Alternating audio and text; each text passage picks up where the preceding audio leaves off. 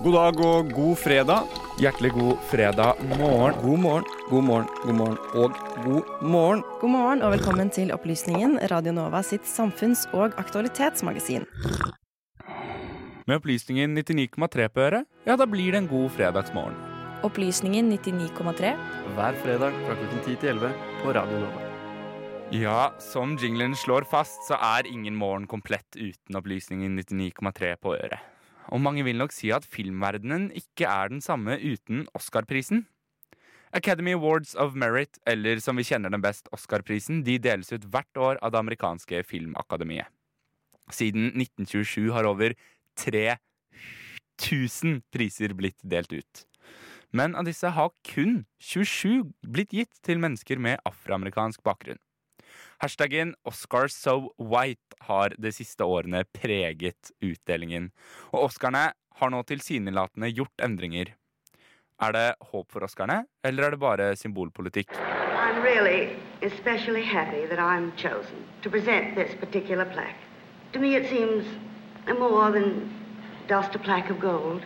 It opens the doors of this room, moves back the walls, and enables us to embrace the whole of America. Recognizes and pays tribute to those who give of their best, regardless of creed, race, or color. It is with the knowledge that this entire nation will stand and salute the presentation of this plaque that I present the Academy Award for the best performance of an actress in supporting roles during 1939 to Hattie McDaniel. I 1940 vant Hattie McDaniels en Oscar for beste kvinnelige birolle. Hun var den første afroamerikaneren i prisens historie. Dette virker revolusjonerende når man tar i betraktning at USA var sterkt preget av rasediskriminering fram til 1960-tallet. Det tilhører historien at det kun var under tvil at McDaniel slapp inn på hotellet som var Only Whites, og at hun ble plassert på et eget bord langt unna sine hvite medskuespillere. Enda mer kontroversiell er filmen hun vant prisen for. Gone with the Wind fra 1939, som av filmhistoriker David Reynolds ble sammenlignet med den kjente Ku Klux Klan-filmen The Birth of a Nation. Dette spesielt med tanke på filmens fremstilling av svarte som mindre menn og voldtektsmenn. Men dette er altså et punkt der filmhistorien og verdenshistorien møtes, og de to blir ett. Og det hele er uten tvil et dramatisk og revolusjonerende øyeblikk både i filmhistorien og verdenshistorien. Nå hevder Oscar-utdelingen at de har brakt oss til et nytt slikt punkt. Men er det Oscar-prisen som agerer, eller er det eneste de gjør, simpelthen å reagere? Jeg skal ærlig innrømme at jeg ikke er noen ekspert på film. Men heldigvis har Radionova et eget filmprogram, Nova Noir. Og som man alltid må gjøre når man er i nød, valgte jeg å ringe en venn.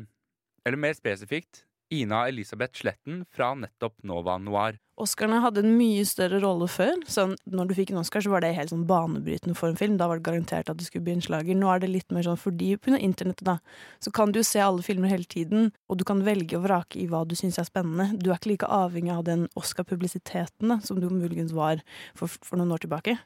Og jeg tror at Oscarene prøver å holde seg selv relevante eh, og hoppe på toget da, av at ok, men da må vi være med. Vi har fått så mye kritikk nå for å ikke være inkluderende eller fremme endring i filmbransjen, så nå må vi plutselig eh, ta litt ansvar. da. Men hva er det denne saken konkret handler om? For å forstå dette må vi spole litt tilbake i tid. I mai etter politidrapet på George Floyd tok den amerikanske BLM, eller Black Lives Matter-bevegelsen, til gatene og protesterte mot politivold. Kort tid etter var mange filmstudioer og strømmetjenester ute og erklærte sin støtte til BLM-bevegelsen.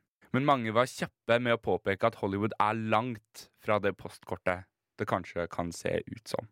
Diskriminering av minoriteter har i lang tid preget filmrullen fra den amerikanske filmhovedstaden, og det skulle gå mer enn 50 år fra Hattie McDaniels pris før den neste prisen ble utdelt til en med afroamerikansk bakgrunn. I starten av september kom Oscar-akademiet med fire nye krav, der minst to må oppfylles for at en film skal kunne nomineres til Årets film.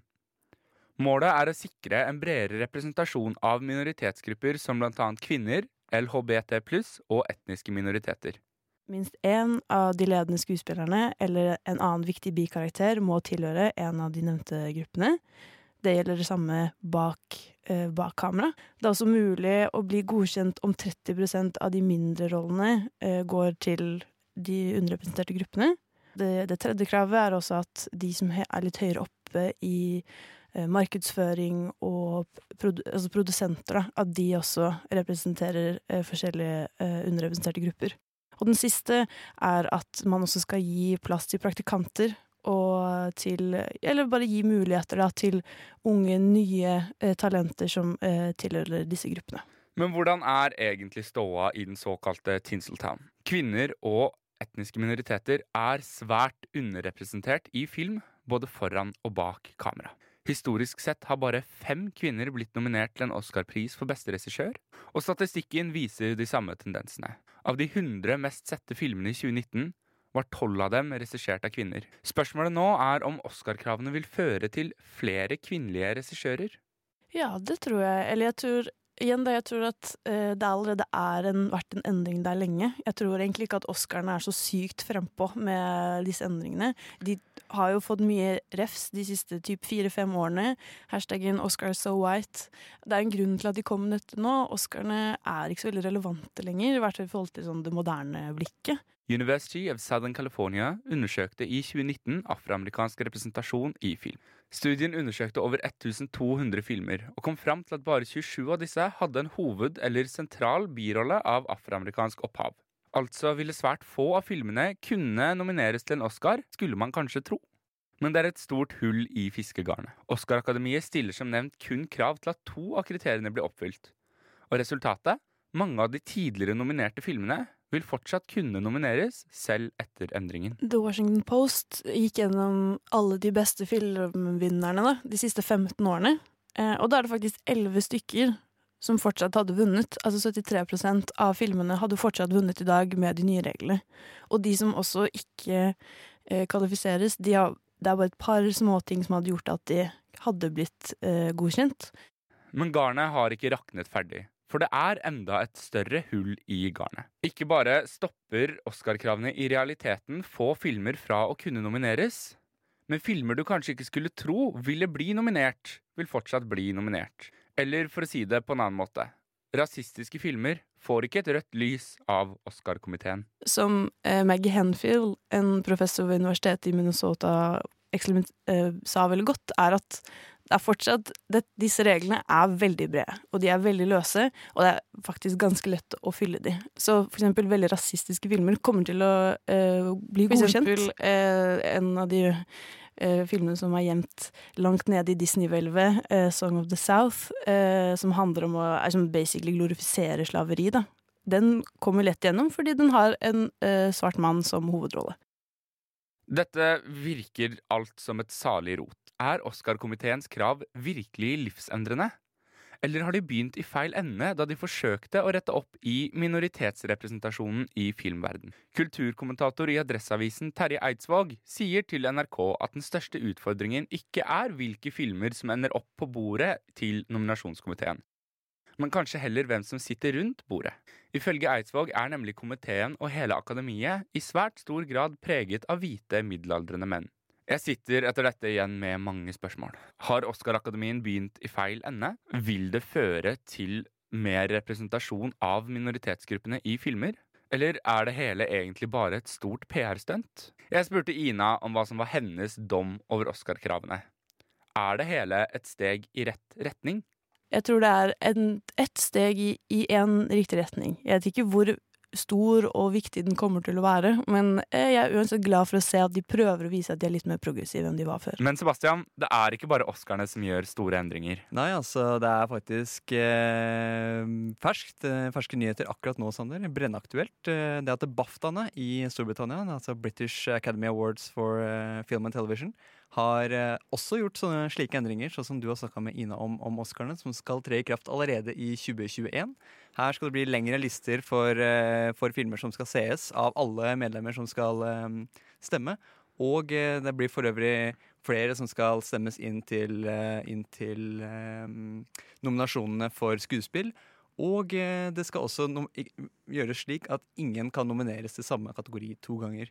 Slik som skjedde i år, hvor det var for øvrig ingen eh, etni, eh, etniske minoriteter som ble nominert til noen av de gjeveste prisene. Og Margot Robbie ble nominert to ganger til samme kategori for Best Supporting Actress.